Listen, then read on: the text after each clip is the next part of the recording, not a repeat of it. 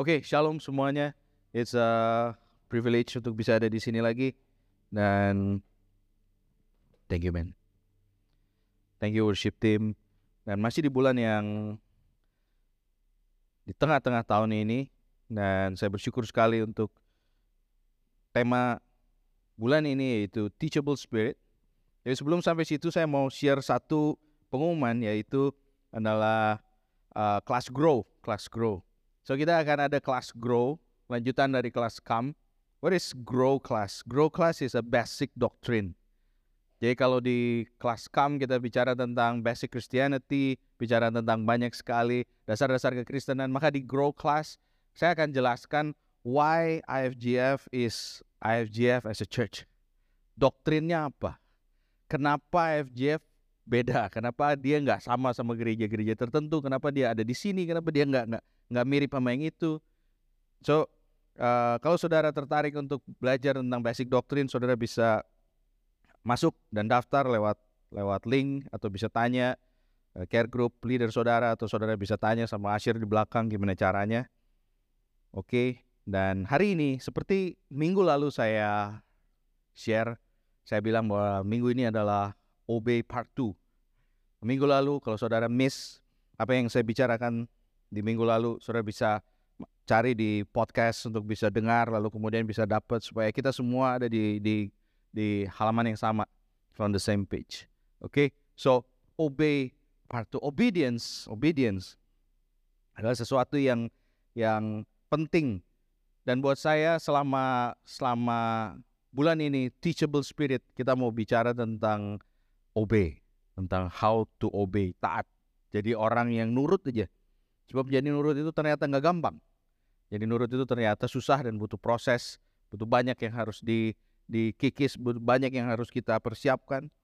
Ada satu bagian dalam firman Tuhan yaitu Proverbs Amsal 3 5 sampai yang ketujuh it says like this trust in the Lord with all your heart trust in the Lord with all your heart do not depend on your own understanding seek his will in all you do and he will show you which path to take don't be impressed with your own wisdom instead fear the Lord and turn away from evil dari sini kita bisa bisa belajar ambil ini adalah satu orang yang paling bijaksana. Tidak ada pernah lagi orang yang lebih bijaksana daripada dia. Namanya Raja Salomo, anak dari Raja Daud. Orang ini adalah orang yang minta wisdomnya Tuhan, minta hikmatnya Tuhan, dan Tuhan kasih hikmatnya Tuhan. Lalu kemudian dia tulis begini, listen, listen well. Trust in the Lord with all your heart. Do not depend on your un own understanding. Trust your trust in the Lord with all your heart Do not depend on your own understanding. The wisest man on earth gave advice do not impress with your own understanding. He's the wisest man.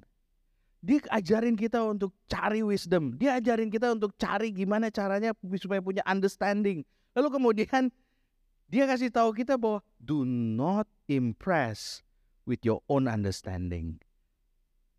Saya percaya kita sering banget baca ayat ini. Tapi saya mau jalanin ayat ini pelan-pelan.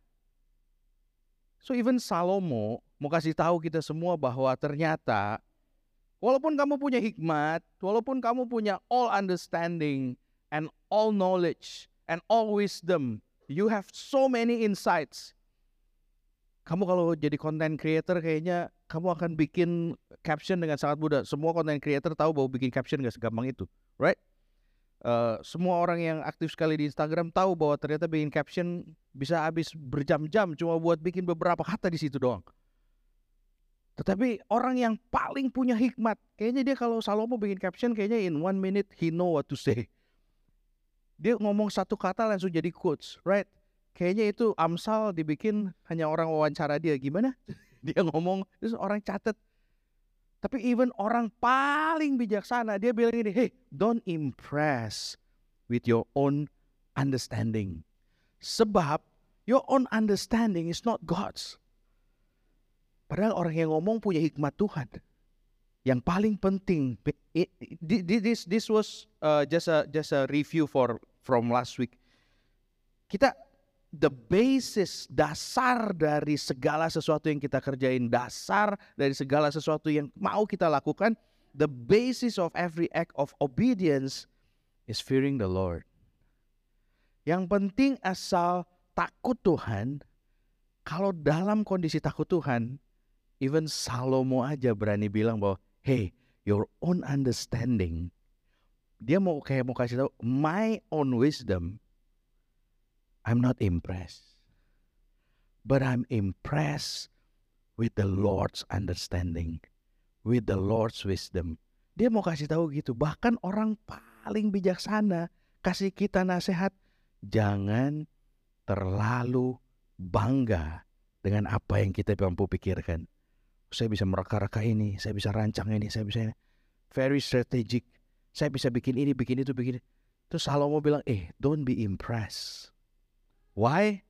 Ya, I want to tell you why. Karena apa yang kita bangun sendiri dengan our own understanding. Seringkali, sering kali. Waktu kita bikin segala sesuatunya sendiri di luar Tuhan. Seringkali kita belajar dari karena setuju ya bahwa di di Alkitab kita isinya adalah pola dan prinsip, right? Isinya adalah pola dan prinsip, pattern and principle happen in the happen in the Old Testament, happen in the New Testament. Pattern and principle. Selalu ada pattern yang kita bisa lihat. Salah satu pattern yang kita lihat adalah setiap kali kita turun tangan, Tuhan angkat tangan. Setiap kali kita handle kerjaan kita sendiri, hidup kita sendiri, setiap kali kita take over, Tuhan lepas tangan. wow, maybe you know better, jalanlah. Setiap kali kita kerjain sesuatu sendiri, Tuhan justru lepas tangan. Tetapi setiap kali kita angkat tangan, terus bilang Tuhan saya nggak sanggup. Terus Tuhan turun tangan. Right? Itu sebabnya even Salomo mau kasih tahu bahwa obedience nggak datang karena kamu punya understanding, your own understanding. Kamu harus kejar yang namanya understanding. Kamu harus kejar yang namanya wisdom. You need to be wise. You need to be wiser every day. Oh, saya kemarin baru ulang tahun. Setiap kali ulang tahun selalu dikasih tahu, oh, you need to be wiser, right? Udah banyak sekali yang wishes ke saya, more wise, more wise. Mungkin saya kurang wise. Jadi banyak banget dikasih tahu, you need to be wiser. Tapi it's a it's a common thing to say on a birthday, be wiser, wiser every year. Kita harus jadi lebih bijaksana, harus. Tapi masalahnya jangan bergantung di situ. That's the problem. Kita harus bergantungnya sama Tuhan, bukan sama kita punya understanding. So ada dua. Ini baru masuk minggu ini. Now here's the two key. Here are the two keys to walk to walk in obedience. Trust God and seek God. Trust God and seek God. Amsal 3, 5 ayat ke-7 bilang begini, Trust in the Lord with all your heart. Do not depend on your own understanding. Seek His will in all you do. Yang pertama adalah trust God. Yang kedua adalah seek God.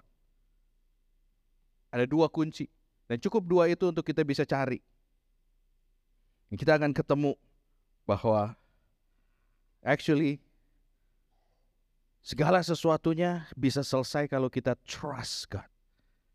Beda banget orang trust. Karena kalau kamu trust seseorang, kamu akan betul-betul rela buat diapain aja. If you trust. Right? Saya nggak mau coba, nanti nggak ada yang mau. Tapi saya coba ini sama anak saya. Saya bilang sama anak saya, saya bilang sama Amy,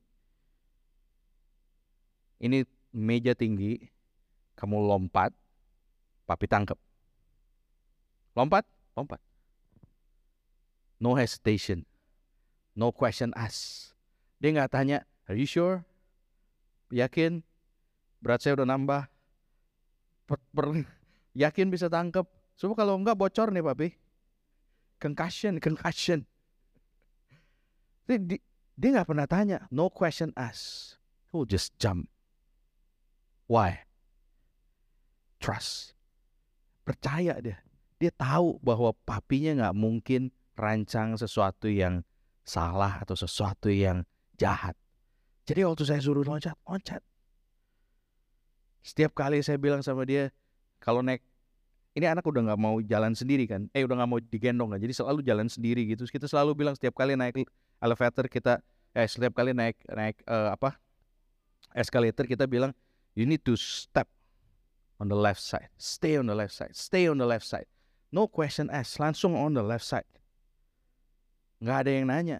Nah, pertama kali kita nyampe Singapura disuruh di kiri, semua nanya kan, why? Why? Kenapa harus di situ? Di di Jakarta oke oke aja di sebelah kanan nggak ada masalah. If you're blocking people, you need to stay on the left. Si Amy nggak pernah nanya. Saya kasih tahu dia stay on the left side. Nggak nanya, nggak nanya why. Stay on the left side. That's obedience coming from trust. Trust you. So yang pertama harus kita bangun adalah trust. Jadi artinya kalau kita nggak obey, berarti kita nggak percaya bahwa Tuhan punya rancangan yang lebih baik daripada kita. Kalau kita nggak obey, artinya mungkin kita ngerasa Tuhan nggak sanggup untuk kasih kita yang terbaik. Sehingga kita perlu atur diri kita sendiri, perlu atur Tuhan. Sampai titik itu saya mau kasih tahu begini. Our world doesn't revolve around us. Doesn't revolve around us. It revolves around him. Dunia ini muternya di tengah-tengah Jesus is at the center. Trust him and seek his will in all that you do. Gak bisa terus kemudian kita bilang, oh it revolves around me. All about me, me, me. Waktu segala sesuatu kita taruh tentang kita, akan susah sekali untuk cari trust and seek His will. You need two things. Trust Him, seek Him. Trust Him, seek His will. Cari kehendak Dia, percaya sama Dia. Tapi waktu kita taruh kita di tengah-tengah, I am the center of it all kita nggak akan pernah ketemu. Kenapa setiap kali kita taruh diri kita di tengah-tengah, the world revolves around us. Kita nggak akan pernah ketemu trust karena kita percaya lebih percaya diri sendiri dan kita akan selalu ngerasa bahwa harusnya Tuhan dengerin kita daripada kita dengerin Tuhan. Right? Sampai sini semua baik-baik. Saya excited banget sampai saya keringetan banget. So hari ini saya bawa uh, kita berandai-andai. Saya suka sekali Lego dan saya berusaha untuk racunin anak saya Lego. Jadi dari kecil saya udah kasih dari kecil saya udah kasih dia Lego supaya dia main Lego. Karena dulu saya main Lego. I I love Lego so much. Uh, dulu waktu saya kecil saya bikin orang tuh begini. Ya ini kakinya, kakinya kuning, pakai celana pink, terus pakai baju merah. It's a person. Okay, can we imagine this is a person? Orang ini, anggap aja orang ini adalah orang yang berusaha untuk hidup baik, berusaha untuk hidup sesuai dengan firman Tuhan, sesuai berusaha untuk obey. Lalu kemudian dia berusaha untuk cari apa yang saya saya saya perlu untuk saya bisa bisa taat dan kemudian melakukan segala sesuatu seperti seperti yang Pastor Yo khotbahkan, gimana caranya? How to apply it on my daily life. Sebab ngomong gampang pastor, terus jalaninya gimana? Saya, saya hari ini mau kasih tahu gini. Sih, ini orang kalau mau jalan dan ngerti bahwa obey, dia harus ketemu pertama kali the first encounter of obedience. The first uh, of the first encounter of obedience might be small. So sekarang kita sama-sama sepakat bahwa yang warna biru ini is obedience. Biru muda. Obedience-nya masih setengah-setengah. Very thin. Tapi dia coba. Pertama kali dia dengar it's it's gonna be funny. Tuhan kayak ngomong sesuatu like don't watch the Netflix. pray. Have you ever have you ever heard that? I heard that so many times. zaman dulu, have you ever zaman dulu waktu saya dulu saya senang sekali nonton uh, pertandingan basket atau apa. Don't watch the NBA. Then pray. What? Must be from the devil. Pergi kamu iblis. Saya lagi nonton. Pergi iblis. Ini pasti iblis harus ditengking. Tapi pertama kali kamu dengar sesuatu yang bukan tentang kamu. Listen to me well. Bukan tentang kamu. Because it's God's. It's not about you, it's about His will. Jadi sering kali sesuatu itu terjadi di luar dari yang kita mau. Di luar dari yang kita mau, di luar dari yang kita bayangkan, di luar dari kebiasaan out of norm yang nggak tahu ada di mana, tiba-tiba datang terus kita ngerasa, oh, I think this is God. Kalau itu di luar dari itu, I think this is God. Dan kamu taruh Now you have wisdom. Now you have small wisdom. Experience. Ah, ini suara Tuhan. I need to listen more. Lalu nanti tiba-tiba ada lagi. Lalu terjadi lagi peperangan dalam dalam kepala kita. Ini suara Tuhan, bukan. Ini malu-maluin, pasti bukan Tuhan. Kalau Tuhan suruh pasti nggak malu-maluin. Ingat cerita saya minggu lalu, udah sampai ke tempat parkir dia harus balik lagi. Itu malu-maluin. Pasti bukan dari Tuhan. Dan misalnya misalnya kita sama-sama sama-sama agree bahwa yang hitam ini adalah pemikiran kita sendiri. Lalu kemudian kita mulai I think this not from God. Kita pakai kali ini kalah.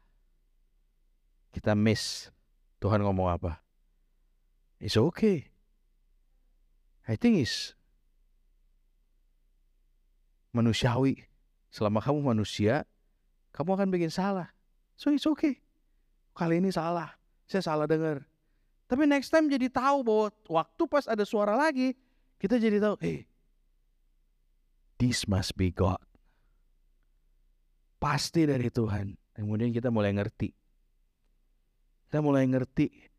Dan bahkan mungkin kita akan dapat wisdom yang perkara yang lebih besar karena sebelumnya perkara kecil, tapi karena kita setia lakuin perkara yang kecil, Tuhan kasih perkara yang lebih besar. Dan kemudian kita dapat wisdom yang lebih besar. Now, you have more wisdom.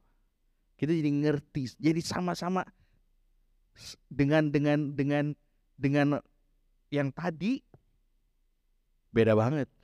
Pemikiran ini orang beda banget sama pemikiran udah ada ini is a different man, is a different point of view, make a different, a very different result. So setiap kali kita dengar suara Tuhan, kita perlu coba dan kemudian kita perlu taruh itu dalam pikiran kita dan kita mulai ngerti, mulai ngerti. Sometimes we're human, right? Sometimes kita bikin salah. It's okay. Sometimes kita dapat perkara kecil. Papa, dapat perkara kecil. Setia lakukan perkara kecil. Karena nanti tahu-tahu Tuhan kasih perkara yang lebih besar. Setia aja lakuin. Hari demi hari, hari demi hari. Sampai akhirnya nanti tahu-tahu kita nggak sadar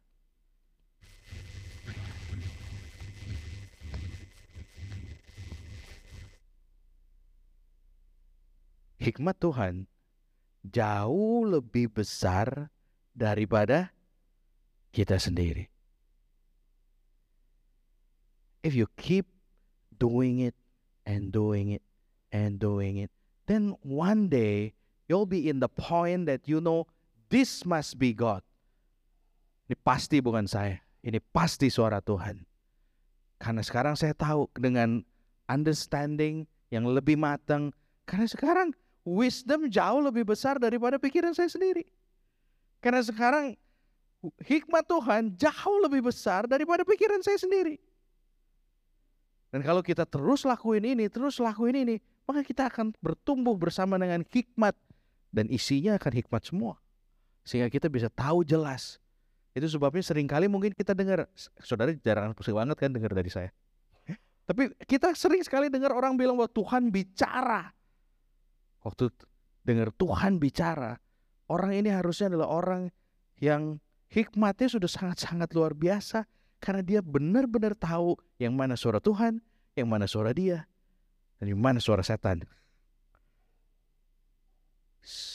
Kalau kamu lakuin terus, lakuin terus, you'll know. This is what you need to apply. Jadi pulang, nggak usah nggak usah berpikir untuk saya mau jadi jadi the most obedience person in the whole world because I love Jesus so much. No. Start small. Lakuin aja dulu apa yang Tuhan minta. Ketemu dia pagi-pagi, ketemu dia hari demi hari, baca firman. Dari situ terus kemudian kita akan tahu bahwa ini suara Tuhan. Lalu nanti dia bakal bilang, karena kita akan ketemu the that first encounter. Dan saya mau sebenarnya kalau kalau teman-teman ada yang punya first encounter, you have a testimony, you need to tell me. Dan saya akan saya akan kasih kesempatan buat saudara bisa cerita next time. Tapi if you meet that first encounter,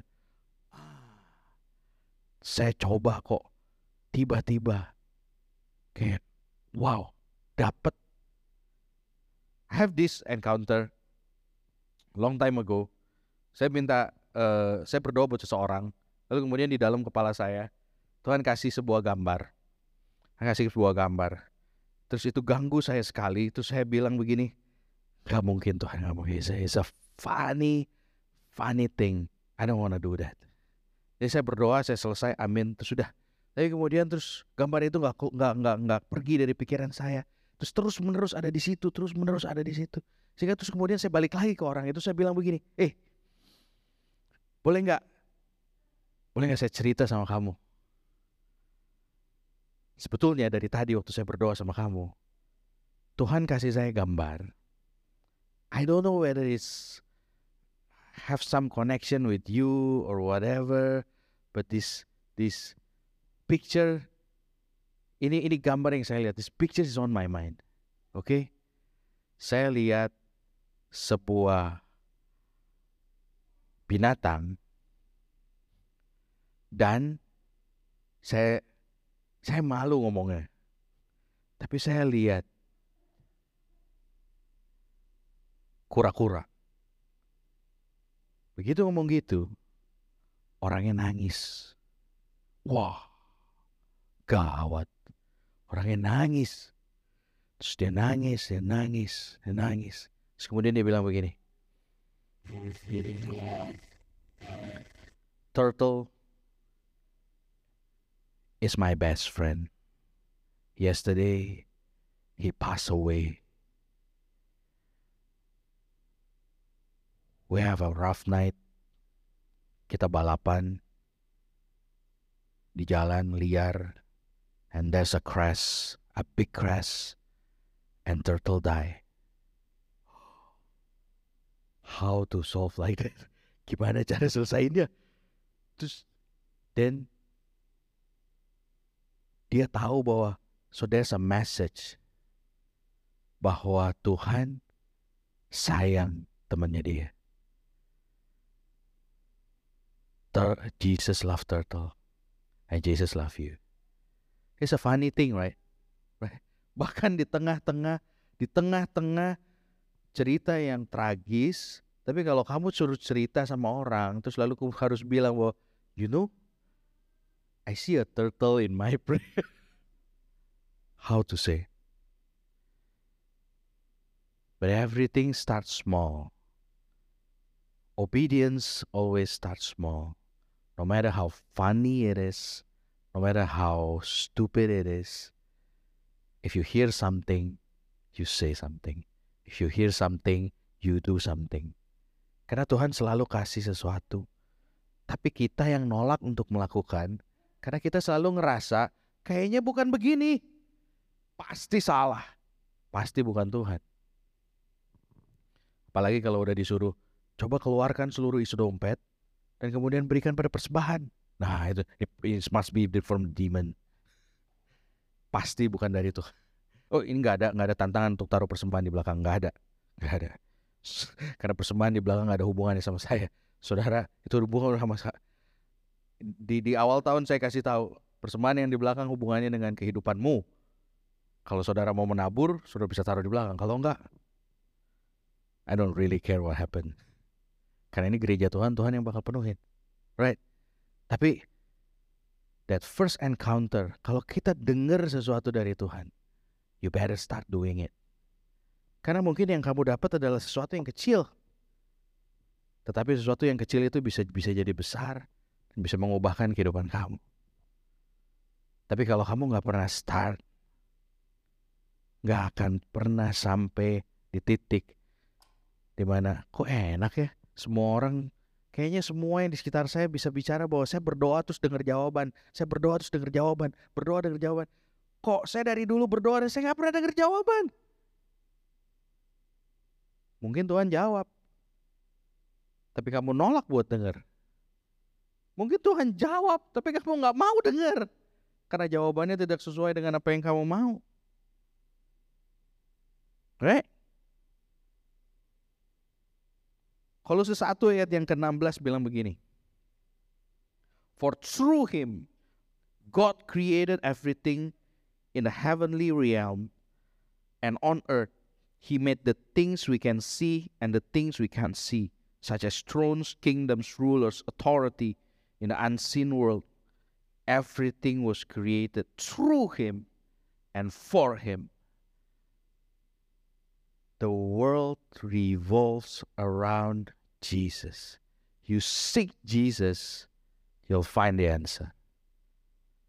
Tuhan nggak pernah jawab. Gak pernah nyuruh kita lakukan sesuatu untuk kita sendiri. Think about it. Tuhan gak pernah kasih sesuatu untuk diri kita. Dia selalu kasih sesuatu untuk orang di sekitar kita. Orang-orang yang Tuhan taruh di sekeliling kita. Do you think God make you wealthy because He wants to make you wealthy? No. Do you think you have money because God wants you to be rich? God wants you to be a blessing. That's why He make you rich. Amin. Haleluya ada yang amin. Gak ada salahnya jadi orang kaya, gak ada salahnya punya uang, gak ada salahnya sukses. Tetapi Tuhan kasih kesuksesan buat orang-orang di sekitar kita. Gak pernah Tuhan bilang bahwa, oh I want to make you rich. I want I want your your life to be happier. That's why I'm here. No. Dia datang untuk memberikan kehidupan, kehidupan yang berkelimpahan supaya kamu jadi terang dan jadi garam, supaya ada banyak orang bisa diberkati lewat kamu. Kamu adalah kota yang ada di atas. Semua orang bisa lihat. You will be a blessing. Itu sebabnya ini core value-nya harus ada di situ. You can be obedience, you can be you can be you can be taat, you can be nurut kalau kalau kalau Tuhan ada di tengah-tengah kehidupanmu. Kalau Tuhan is not the center, it's really hard to obey. Trust, seek His will. Trust, seek His will. Saya mau kasih satu contoh sebelum saya udahan. Uh, oh, before that, we can only listen if we trust, and we can only understand if we seek His will. We can only listen when we trust. Kita nggak akan pernah bisa dengar perintah, nggak akan pernah tak, nggak akan pernah nurutin Tuhan. Kalau kita nggak pernah percaya sama Dia. Tapi karena kita percaya, itu sebabnya kita mau. Jadi jangan berdoa karena saya suruh berdoa, atau jangan berdoa karena keluarga saya selalu berdoa. Jangan berdoa karena karena semua orang suruh saya no. Berdoa karena kita percaya Tuhan akan melakukan sesuatu. Dan cari kehendak Tuhan karena saya mau kejar understanding, wisdom. So I seek His will, so I get the understanding. Ada satu cerita di 1 Samuel 15 ayat yang ke-22. Seorang raja yang dipilih oleh Tuhan. Tapi kemudian satu-satunya raja yang Tuhan bilang sama Samuel bahwa I'm sorry Samuel to make Saul king. Tuhan pernah minta maaf sama Samuel, boleh cari di Alkitab saudara. Tuhan pernah minta maaf sama Samuel dan kasih tahu itu sama Samuel bahwa saya minta maaf karena saya pernah angkat Saul jadi raja dan saya suruh kamu untuk angkat Saul jadi raja. Karena ada satu perintah untuk bunuh semua orang Amalek. Lalu waktu Saul ketemu, dia bikin political agreement dengan rajanya. Namanya Agak. Lalu kemudian dikasih tahu sama rajanya, eh pokoknya kamu jangan takut nanti saya bakal selamatin. Lalu kemudian dia lihat kambing domba dan lain-lain. Ternyata orang Amalek ini orang adalah orang-orang yang sangat kaya. Sehingga dia bunuh orang-orang yang perlu dibunuh. Yang tidak perlu dibunuh dia nggak bunuh. Dan dia bawa masuk semua hasil jarahan perang dia. Lalu kemudian Tuhan marah. It was a direct order. And he failed. Why? He got no trust. He never seek God's will. Bahkan di percakapan itu, Saul bilang sama Samuel, "Aku melakukan ini untuk Tuhanmu. Aku ambil semua kambing domba untuk bikin sebuah persembahan untuk Tuhanmu." Dia nggak bilang our God or my God. He say your God. Dia nggak cari kehendak Tuhan. Dia nggak percaya sama Tuhan. So that's why. Akhir cerita kita tahu bahwa itu adalah pertama eh terakhir kali Samuel ketemu dengan Saul dan sesudah dari itu Saul mati. Karena Tuhan meninggalkan dia completely. Tuhan sudah meninggalkan dia sejak lama. Tetapi hari itu Tuhan meninggalkan dia completely. Dan kemudian dia turun dan dia ditolak sebagai raja. So obedience is important. You need to trust and you need to seek Jesus. Amen. Obey him in all your circumstances. Even when things are out of your control. Tuhan, saya nggak bisa, saya nggak ngerti why this happened to me because he knows what he's doing. And trust me, you don't know what you're doing. God knows better. Lebih baik kita angkat tangan dan obey. Yes Lord, I'm gonna obey. Kalau dia suruh jalan-jalan, dia suruh berhenti-berhenti. Let us stand up. I want to pray for all of you.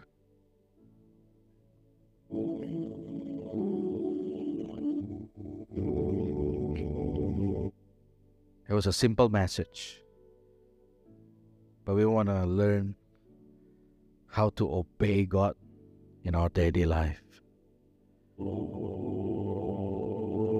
Cari Tuhan dan cari kehendaknya. Cari Tuhan, cari kehendaknya. Percaya sama Tuhan. Seek His will. That's the key. Kalau nggak ada kehendak Tuhan, pasti bukan dari Tuhan. Kalau nama Tuhan tidak dipermuliakan, pasti bukan dari Tuhan. Kalau namamu yang dipermuliakan, jelas-jelas bukan dari Tuhan. So, saya mau berdoa buat kita semua hari ini. Saya berdoa supaya dalam minggu-minggu ini, saudara semua akan ketemu begitu banyak kesempatan so you can find encounter after encounter. You will have opportunity to seek the Lord, to trust the Lord, seek the Lord, and to obey. No matter how funny it is, no matter how ridiculous it is,